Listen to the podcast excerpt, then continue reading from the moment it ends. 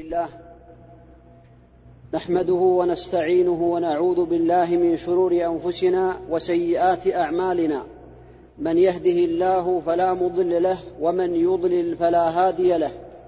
وأشهد أن لا إله إلا الله وحده لا شريك له. كتب الذل والهوان والخسارة والتعاسة لمن خالف أمره واتبع هواه وترك أمره تبارك وتعالى. وأشهد أن محمدا عبده ورسوله صلى الله عليه وعلى آله وأصحابه وسلم تسليما كثيرا. فقد بعثه الله رحمة للعالمين. وما أرسلناك إلا رحمة للعالمين.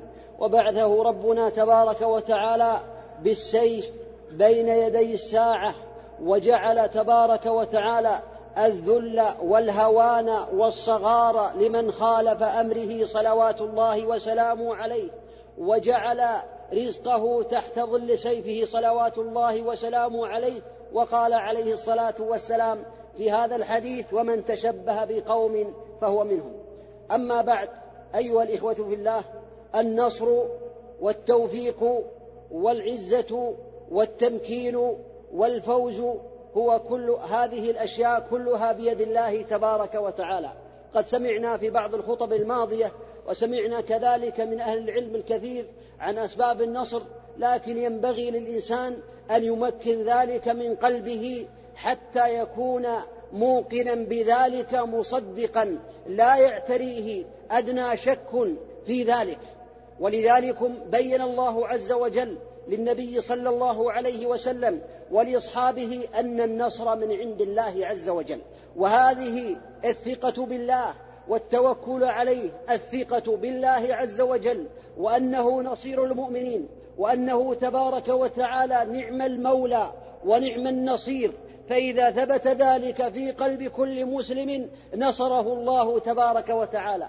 ولذلك حينما وعد الله تبارك وتعالى النبي صلوات الله وسلامه عليه بالملائكة والنصر بالملائكة وإمداده بالملائكة قال الله عز وجل للنبي صلوات الله وسلامه عليه ولأصحابه قال تبارك وتعالى بلى إن تتقوا وتصبروا ويأتوا يمددكم ربكم بخمسة آلاف من الملائكة. مسومين. بعد أن قال تبارك وتعالى بلى إن تصبروا وتتقوا ثم بين ربنا عز وجل في آخر الآية قال يمددكم ربكم بخمسة آلاف من الملائكة مسومين أي معلمين. وذلك لا يكون إلا بالصبر والتقوى. الصبر والتقوى والتقوى هي قد سمعتم تعريفها في بعض الخطب الماضية. بلى إن تصبروا وتتقوا. ثم بين الله عز وجل في آخر الآية قال وما النصر إلا من عند الله العزيز الحكيم. هذه الملائكة وهذا الإمداد بالملائكة لا يعني بأن هذا هو النصر المنزل ولكن النصر من عند الله عز وجل وإنما هذه أسباب لا يعتمد عليها وإن الاعتماد على الله الذي لا إله إلا هو لا يعتمد على قوة ولا يعتمد على إمداد بالملائكة أو بأي قوة أخرى غير قوة الله عز وجل وما النصر إلا من عند الله العزيز الحكيم وقال في آية أخرى وما النصر إلا من عند الله إن الله عزيز حكيم. فهل وقر ذلك في قلوبنا؟ هل وقر ذلك في قلوب جميع المسلمين بأن النصر من عند الله وأن العزة والتمكين من عند الله تبارك وتعالى وأن الفوز وغير ذلك من أسباب التوفيق كل ذلك من عند الله تبارك وتعالى. وبذلكم غرس النبي صلوات الله وسلامه عليه. ذلك في قلوب أصحابه رضي الله عنهم. وحينما سأله حينما سأله أبو بكر رضي الله عنه قال يا رسول الله إنهم أو لو نظر أحدهم تحت قدميه لرآنا المشركون تبعوا. النبي صلى الله عليه وسلم وأرادوا قتله وصاحبه أبو بكر رضي أبا بكر رضي الله عنهم. وحينما دخل في الغار مر المشركون من فوق النبي صلوات الله وسلامه عليه على الحجارة وكان هناك فتحة يعني تودي أو تؤدي بالنظر إلى النبي صلوات الله وسلامه عليه وأبي بكر فحينئذ يراهم أبو بكر رضي الله عنه. فيقول لو نظر أحدهم تحت قدميه لرآنا فقال له النبي صلوات الله وسلامه عليه يا أبا بكر ما ظنك باثنين إلا هو ثالثهما. هؤلاء القوم تجمعوا وتكاتفوا وتعاونوا على قتل النبي عليه الصلاة والسلام ولكن الله أعمى أبصارهم حتى إنه خرج صلوات الله وسلامه عليه من باب بيته وهم قد أجمعوا على الباب. وقد تحلقوا لقتل النبي عليه الصلاة والسلام ففتح الباب وهم ينظرون ولكن الله أعماهم وقد روي بأنه أخذ قبضة من تراب وصار يجعل على رؤوسهم التراب لأنه قد وثق بالله. اعتقد بأن النصر من الله الذي لا إله إلا هو فإنها لا تعمى الأبصار ولكن تعمى القلوب التي في الصدور. أعمى الله أبصارهم وهم ينظرون بأبصارهم لأن النصر من عند الله تبارك وتعالى. إبراهيم صلوات الله وسلامه عليه أجمعت الأمة أي في عهده قومه أجمعوا على أن يقتلوه وأجمعوا كلهم على أن يلقوه في النار. وفعلا فعلوا ذلك ورموه بالمنجنيق أي رموه حتى يكونوا في وسط النار.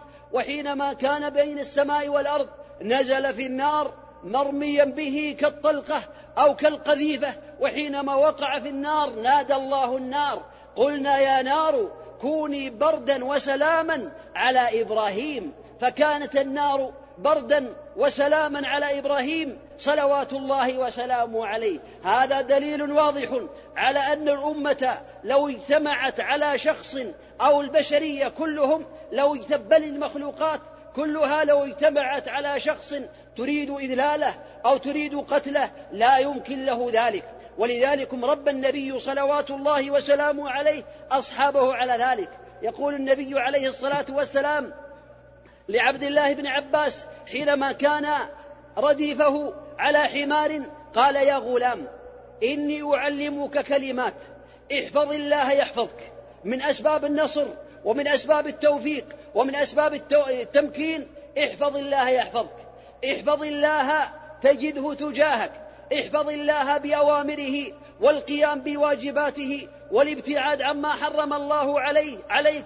يحفظك في أهلك ومالك ودنياك وأخراك ويحفظك أعظم الحفظ من النار ويدخلك الجنة. احفظ الله يحفظك. احفظ الله تجده تجاهك أي معك. يرافقك بتوفيقه ونصره وإعزازه وفلاحه. احفظ الله تجده تجاهك إذا استعنت فاستعن بالله. استعن بربك الذي لا إله إلا هو. لا تتكل على غيره لا تتوكل على غير الله لا تخشى من غير الله لا ت... لا يأخذك الرعب والخوف من غير الله عز وجل. قال تجد تجاهك إذا استعنت فاستعن بالله. إياك نعبد وإياك نستعين. إذا استعنت فاستعن بالله وإذا سألت فاسأل الله. واعلم أن الأمة لو اجتمعت على أن يضروك بشيء لم يضروك إلا بشيء قد كتبه الله عليك. الله أكبر. هذا من أعظم التوكل ومن أعظم الاعتماد على الله عز وجل ومن أعظم الثقة بالله تبارك وتعالى. والتوكل عليه أن الإنسان المؤمن إذا أخذ بالأسباب وأخذ بما أمره الله عز وجل لا يخشى إلا الله ولا يتوكل إلا على الله ولا يأتيه الخوف والرعب إلا من الله الذي لا إله إلا هو. قال واعلم أن الأمة لو اجتمعت على أن ينفعوك بشيء لم ينفعوك إلا بشيء قد كتبه الله لك وإن اجتمعوا على أن يضروك بشيء لا لم يضروك إلا بشيء قد كتبه الله عليك. رفعت الأقلام وجفت الصحف. هذا حديث عظيم رواه الإمام الترمذي بإسناد حسن حديث عظيم وهو من أدلة العقيدة والاعتماد على الله عز وجل. وإذا ثبت معنى هذا الحديث في قلب كل إنسان مسلم جنديا أو غيره كان من أعظم الناس قوة ومن أعظم الناس نصرا بالله عز وجل ومن أعظم الناس حفظا وتوفيقا وتسديدا وفلاحا وفوزا في الدنيا والآخرة. لو اجتمعت الأمة على أن يضر هذا الإنسان بشيء لم يضره إلا بشيء قد كتبه الله عليه. وهذا يعني أن الإنسان إذا تمكن هذا الحديث في قلبه لو رأى الناس يجتمعون ويعدون له العدد من كل مكان وهو عنده إيمان بالله عز وجل لا يمكن أن تضيع ثقته بالله عز وجل وإنما قلبه معلق بالله تبارك وتعالى لأنه القادر على ذلك. ولذلك من هذا النوع ما فعله صاحب الأخدود أو غلام الملك الذي كان في نجران كما قال النبي عليه الصلاة والسلام والحديث مسلم قال النبي عليه الصلاة والسلام كان ملك في من كان, كان ملك في من كان قبلكم وكان له ساحر فكبر الساحر فحينما كبر الساحر أمر غلاما بأن يتعلم السحر من هذا الساحر وكان هذا الغلام مؤمنا بالله عز وجل على طريقة النصرانية أي قبل الإسلام قبل بعثة النبي عليه الصلاة والسلام لأن بعد بعثة النبي صلوات الله وسلامه عليه لا دين إلا دينه صلوات الله وسلامه عليه. كما قال عليه الصلاة والسلام والذي نفسي بيده لا يسمع بي يهوديا أو نصرانيا ثم لم يؤم بي ويموت على ذلك إلا دخل النار فذهب هذا الغلام يتعلم السحر من الساحر وقدر الله له ووفقه براهب أي عابد عابد على دين النصرانية كان في طريقه وكان يمر عليه وكان يعلمه ويتأخر على الساحر فحينئذ سار يعاقبه الساحر وحينما كان يعاقبه شكى ذلك إلى الراهب فقال الراهب إن عاقبك الساحر فقل أخرني أو حبسني أهلي وإن عاقبك أهلك على التأخر عندي فقل حبسني الساحر. يعني طريقة يسلم بها من العقاب. وفي يوم من الأيام كان هذا الغلام محتارا. كان محتارا في طريقه فرأى الناس قد تجمعوا في مكان في طريق يودي إلى الساحر فقال فوجد دابة عظيمة أي دابة مخلوقة من مخلوقات الله عز وجل قد أغلقت على الناس طرقاتهم. قد أغلقت على الناس طرقاتهم فحينئذ قال اليوم أعلم أعمل الساحر كان مرتابا ما يدري هل الحق مع الساحر أو مع الراهب. قال اليوم أعلم أعمل الساحر أحب إلى الله عز وجل أم عمل الراهب. فأخذ حجرا صغيرا ثم دعا الله عز وجل. الناس قد اجتمعوا لم يستطيعوا أن ينقذوا أنفسهم من هذه الدابة فأخذ حجرا صغيرا ثم قال اللهم إن كان عمل الراهب أحب إليك من عمل الساحر فاقتل هذه الدابة ورمى بالحجر الصغير. فقتلت الدابة وماتت وهو شاب صغير بين هذه الأمم وبين هذا الجمهور وسكت.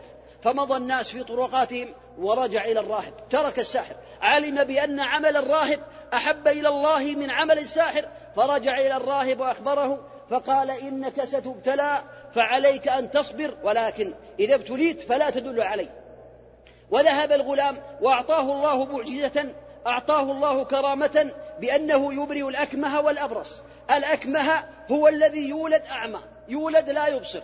والأبرص هو معروف مرض البرص المعروف عند الناس. وحينئذ كان جليس للملك أو جليس للملك كان أعمى. فأخبر بهذا الغلام وأنه قد تخرج من مدرسته التي بعثه إليها الملك فذهب إليه وبأموال طائلة وقال ما ها هنا لك؟ إن أنت شفيتني. فقال الغلام المؤمن أنا لأشفي ولكن الله هو الذي يشفي. فإن أنت آمنت بالله وكفرت بما يعبد من دون الله دعوت الله لك فشفاك. فآمن بالله فدعا الله له فدعا الله له فشفاه. فرجع مبصرا يرى الطريق إلى الملك فجاء عند الملك وجلس عنده وقال من رد عليك بصرك؟ من رد عليك بصرك؟ قال ربي قال أولك رب غيري؟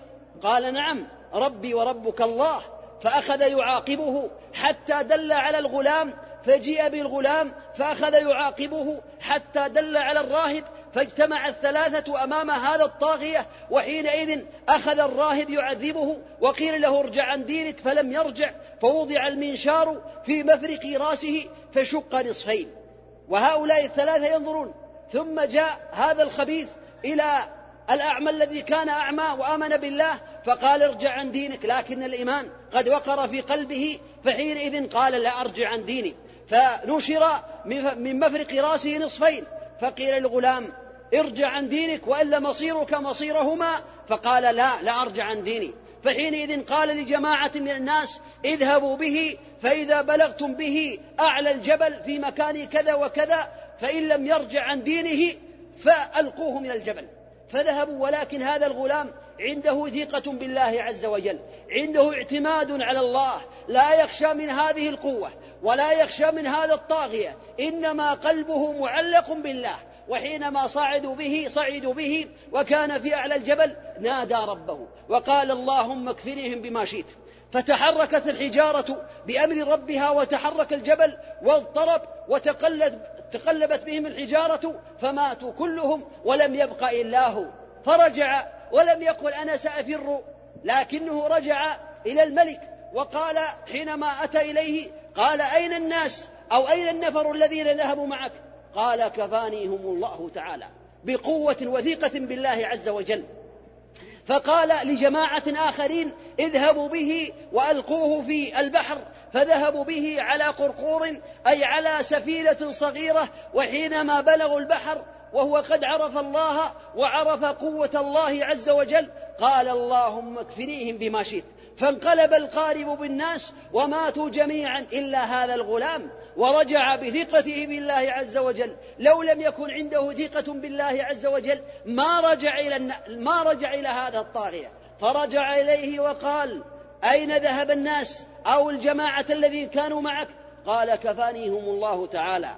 فحينئذ قال له لا يمكن أن تقتلني إلا بأوامر أصدرها عليك. فإن فعلت فإن أنت فعلت ذلك فستقتلني بإذن الله تعالى. قال وما هي؟ يريد أن يتخلص من هذا الشاب القوي بالله عز وجل. قال تجمع الناس كلهم. تجمع جميع المملكة التي أنت تملكها كلهم. ثم تصلبني على جذع أي جذع نخلة. ثم تأخذ سهما من كنانتي وأخبره بالطريقة. ثم قال تسدد علي وتقول بسم الله رب الغلام.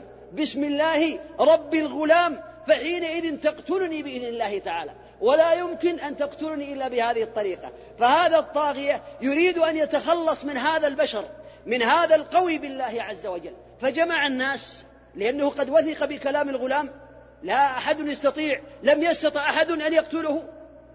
فحينئذ جمع الناس في موكب عظيم وفي مهرجان عظيم ثم عمل ما أمره به الغلام فقال بسم الله. أمام الناس أمام البشر. بسم الله رب الغلام.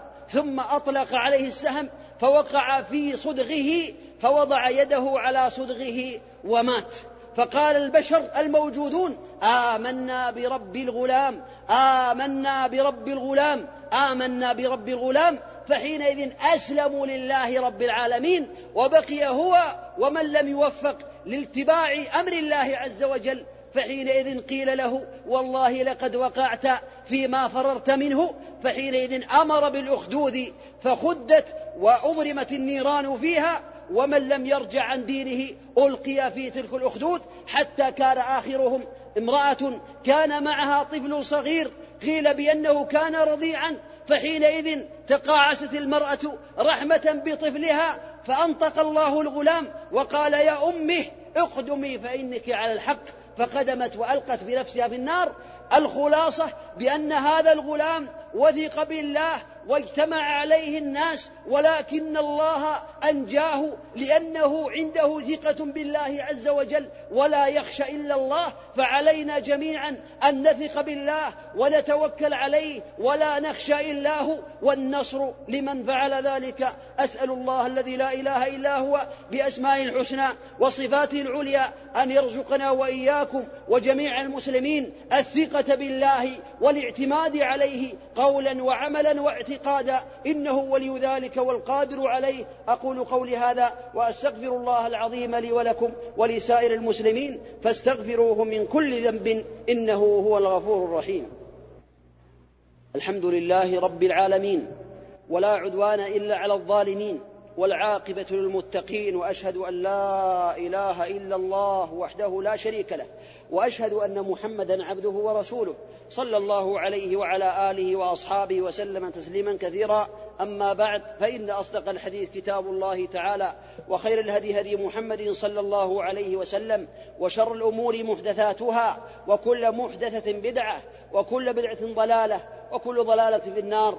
أيها الإخوة بالله إن من أسباب النصر كما سمعتم الثقة بالله تعالى وأنه القادر على كل شيء وإنه إذا أراد شيئا فإنما يقول له كن فيكون بقدرته وتوفيقه. وأذكر لكم ما ذكر لي.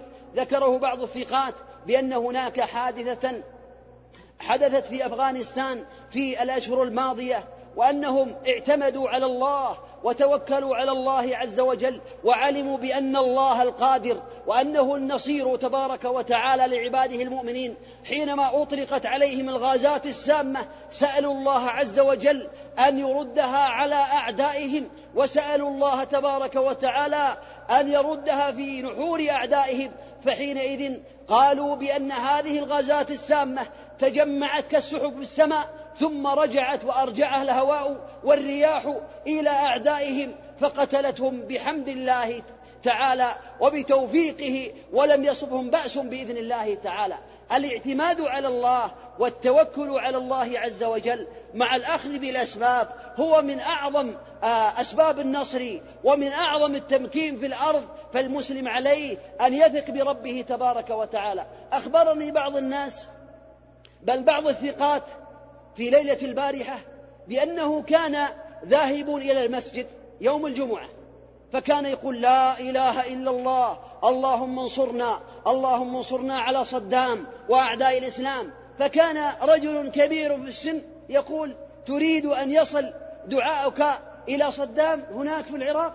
هذا شيء مستحيل. يأتي دعاءك ويذهب إلى صدام يصيبه سبحان الله العظيم. هذا عدم ثقة بالله عز وجل وعدم التوكل على الله عز وجل وعدم حسن الظن بالله عز وجل. ولذلك يقول النبي صلوات الله وسلامه عليه أنا عند حسن ظن عبدي بي. أنا عند حسن ظن عبدي بي. فإذا كان العبد يظن بالله ظنا حسنا فالله عز وجل يعطيه ظنه. وإذا كان يظن بالله ظنا سيئا فالله عز وجل ربما يعطيه ظنه لأنه لم يثق بالله تبارك وتعالى. وبذلكم من وثق بالله تعالى نصره وهذا يكون في أحوال كثيرة منها أن بعض من كان قبلنا كما قاله النبي صلوات الله وسلامه عليه وهذا يدخل في الدعاء لكن الدعاء بالثقة بالله تعالى. كان في من كان قبلنا كما قاله النبي عليه الصلاة والسلام ثلاثة نفر انطلقوا حتى أواهم المبيت إلى غار من الغيران أي كهف من الكهوف. فأصابهم المطر فانحدرت صخرة عظيمة كالجبل العظيم وأغلقت باب الغار عليهم ثلاثة لا حول لهم ولا قوة ولا رافعات ولا يعني أي قوة إلا بالله الذي لا إله إلا هو. فنظر بعضهم إلى بعض وقالوا لا ينجينا من هذه الطامة إلا أن ندعو الله بصالح أعمالنا. فقال الأول اللهم إنه كان لي أبوان شيخان كبيران وكنت لا أغبق قبلهما أهلا ولا مالا فنايا بي الشجر يوما فلم أرح عليهما حتى ناما فحلبت غبوقهما وجعلته على كفي استيقظ استيقاظهما فاستيقظا. بعد أن برق الفجر والصبية كانوا يتضاغون أي كانوا يصيحون عند قدمي ولكني لم أسقهم انتظارا لاستيقاظ والدي. وهذا معنى الحديث. قال فاستيقظا فسقيتهما غبوقهما اللهم إن كنت فعلت ذلك ابتغاء وجهك فافرج عنا ما نحن فيه من هذه الصخرة. فارتفعت الصخرة. الأوامر الإلهية الأمر الرباني كن فيكون أمر الصخرة بأن ترتفع قليلا. فارتفعت قليلا ورأوا النور لكنهم لا يستطيعون الخروج. فقال الآخر اللهم إنه كان لي ابنة عم وكنت أحبها أشد ما يحب الرجال النساء. فراودتها يوما عن نفسها فأبت ومنعت وحت فذهبت حتى ألمت بها. سنة من السنين فأتت إلي وسألتني شيئا فقلت لا حتى تخلي بيني وبين نفسك فوافقت على ذلك وأعطيتها مئة وعشرين دينارا. وحينما كنت بين رجليها قالت يا عبد الله اتق الله ولا تفض الخاتم إلا بحقه اتق الله. فحينئذ قال تركتها وتركت ما أعطيتها من الدنانير. اللهم إن كنت فعلت ذلك ابتغاء وجهك فافرج عنا ما نحن فيه من هذه الصخرة. فارتفعت الصخرة مرة ثانية لكنهم لا يستطيعون الخروج. فقال الثالث اللهم إنه كان لي أجراء فأعطيت كل واحد منهم أجره أي أجرته وذهبوا إلا واحدا لم يأخذ أجره أي أجرته حتى أتاني في سنة من السنين فقال يا عبد الله وقد نمي قال ونميته له أي نمى وثمر هذا المال وتاجر فيه ورابح حتى كانت أموالا عظيمة من الإبل والبقر وغير ذلك من الرقيق. قال فأتاني في سنة من السنين فقال يا عبد الله أد إلي حقي. فقال اذهب فخذ هذه الأموال فإنها أجرك. فقال يا عبد الله أتستهزئ بي؟ فقال لا قال فذهب وأخذها كلها ولم يترك منها شيئا. اللهم إن كنت فعلت ذلك ابتغاء وجهك فافرج عنا ما نحن فيه من هذه الصخرة. فارتفعت فخرجوا يمشون بإذن الله تعالى. هذا هو الثقة بالله أو هذه هي الثقة بالله عز وجل. والتضرع إليه فالإنسان إذا حزبه أمر أو أصابه مصيبة عليه أن يثق بأن النصر والتوفيق والتمكين والفوز والسعادة في الدنيا والآخرة بيد الله وأن القوات والأمم كلها لو اجتمعوا على أن يضروه. والله الذي لا إله إلا هو لا يضروه إلا بما قد كتب الله له تبارك وتعالى. فإذا وجدت الثقة بالله عز وجل أمن الناس ووثقوا بالله ونصروا في الدنيا والآخرة. ولذلك بعض الناس حينما وزعت أوراق في أول الحادثة أو في أول هذه الأحداث أصابهم الرعب وأصابهم الخوف لعدم ثقتهم بالله عز وجل. وبعضهم أمر أولاده بأن لا يخرجوا من بيوتهم والمصيبة لم تحصل الحمد لله في هذه البلاد لكنه إذا خرج إلى عمله أمر أولاده بأن يبقوا في بيوتهم. وبعض الناس يعني عمدوا إلى الأسواق فأخذوا جميع ما فيها من الأرزاق وغير ذلك وعبوا يعني وملأوا بيوتهم بالأرزاق وتركوا الفقراء. هذا اعتماد على غير الله.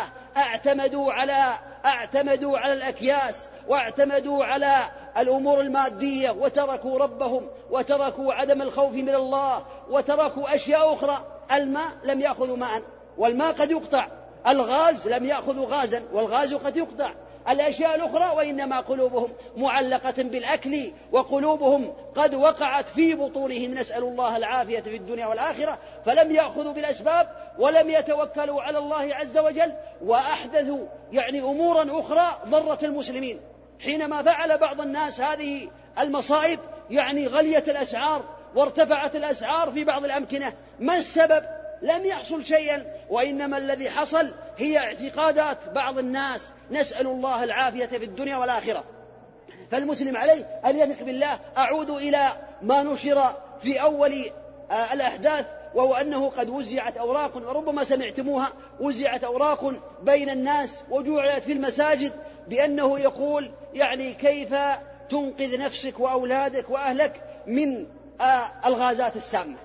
أولا إذا رأيت السيارات في الشوارع تتصادم ورأيت الطيور على الأشجار تتساقط فحينئذ لا حيلة لك أبدا ما عليك إلا الموت تسلم نفسك أبدا. إذا كنت خارج المنزل فلا حيلة لك ولا قوة ولا نصر ولا حياة أبدا لك ستموت. هذا يعني من الحرب النفسية للمسلمين. هذه جريمة عظيمة.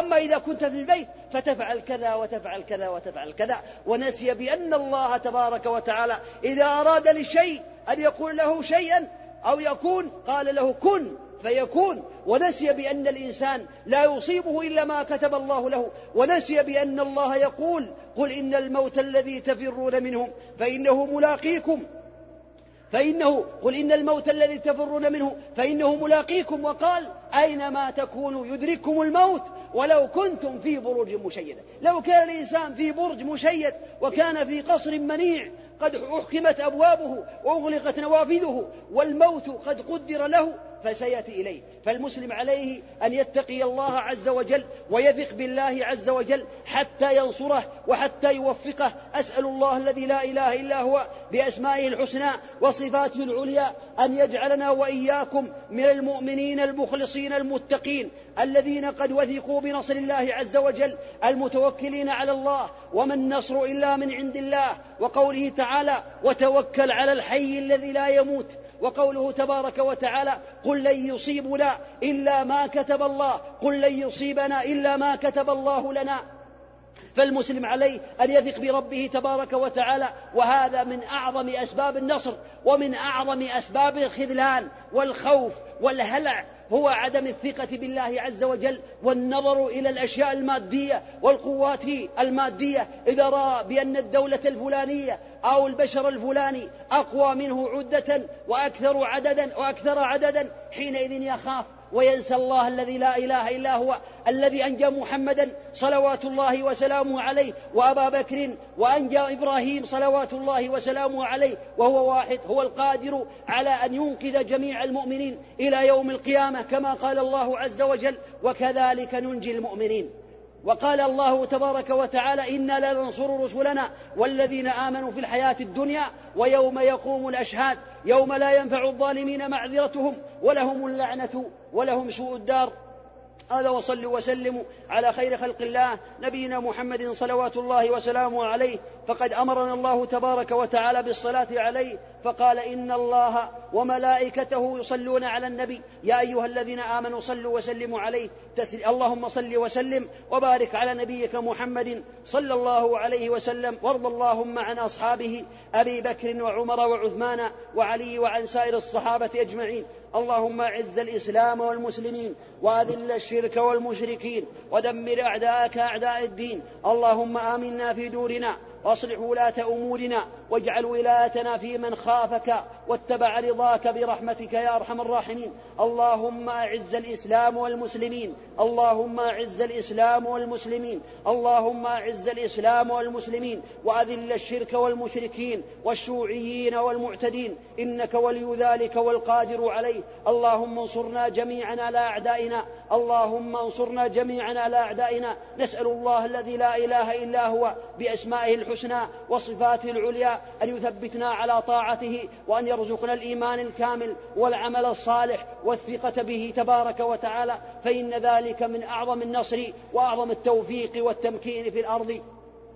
كما أسأله تبارك وتعالى أن يوفق الجميع لما يحبه ويرضاه وأن يرزقنا التوبة النصوح لأن الله تبارك وتعالى لا يغير ما بقوم حتى يغيروا ما بأنفسهم كما قال الله عز وجل إن الله لا يغير ما بقوم حتى يغيروا ما بأنفسهم. ونسأله تبارك وتعالى أن يرزقنا بعد التوبة الاستغفار من الذنوب والخطايا فإن ربنا تبارك وتعالى بين أنه لا يعذبنا ونحن نستغفر ونتوب إليه تبارك وتعالى.